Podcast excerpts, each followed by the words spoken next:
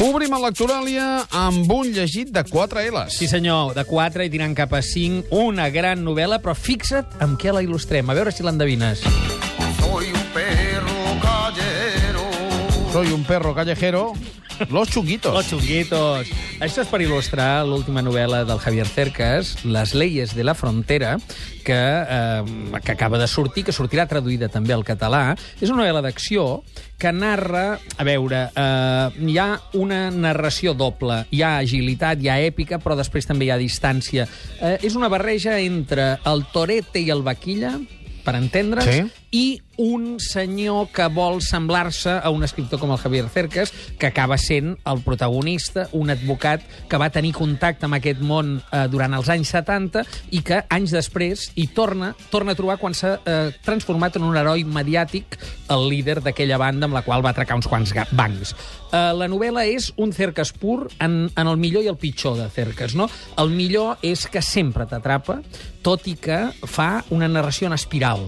Hi ha moments que dius, perquè mm, és com si fos una confessió, i dius, això ja m'ho has explicat, m'ho expliques des d'un altre punt de vista, però sempre té un gir com per atrapar-te i tires fins al final. És un triangle amorós el que t'estira amb tots aquests 30 anys de, de marge, de coll, entre l'actualitat i els anys 70. El pitjor, eh, manca absoluta de sentit de l'humor, però mm, jo crec que ja és inherent a la narrativa de Cercas. No dic que ell no en tingui, eh? dic que la seva narrativa és molt seriosa, està plena de frases lapidàries en la quals doncs, t'hi juguen la vida, els seus personatges s'hi juguen la pell. No? Ara, posat en una balança, totalment a favor. Un petit detall sociolingüístic.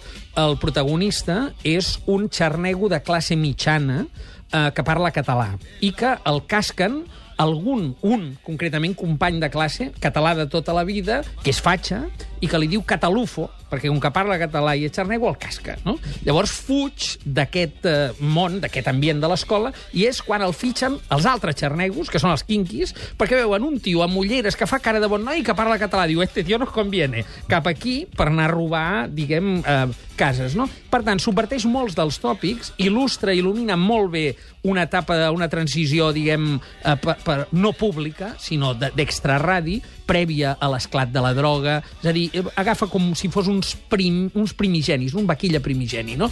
I realment es fa llegir fins al final eh, i t'atrapa profundament les leyes de la frontera, Javier Cercas, ara a Mondadori, en versió original, d'aquí dos mesos, crec que per allà el 25 de novembre, en català. Caram, mots clau.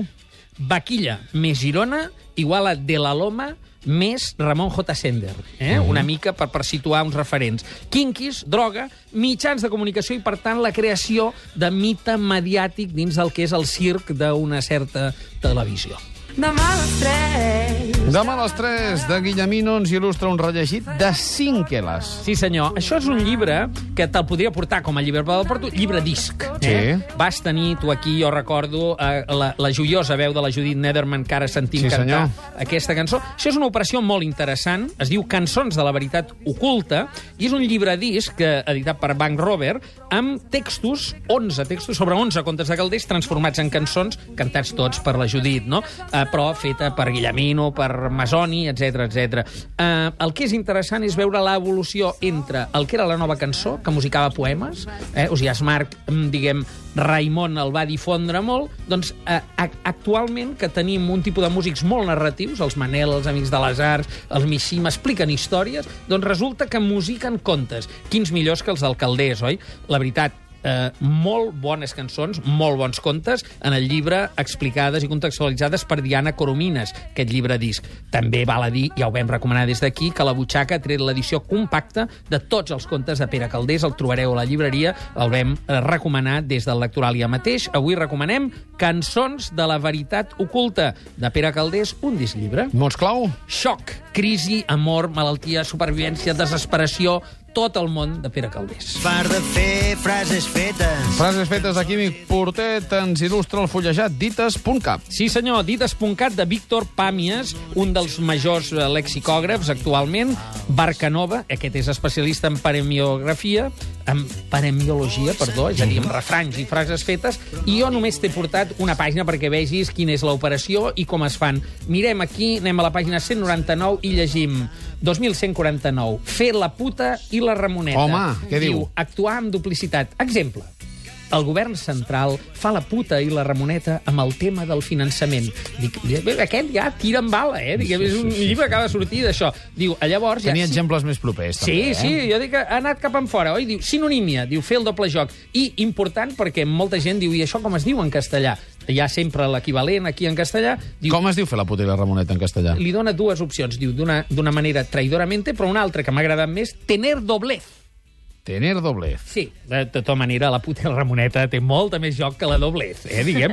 Dit esponcat, locucions, frases fetes i refranys del català per Víctor Pàmies a Barcanó. Màrius, moltes gràcies. Nosaltres...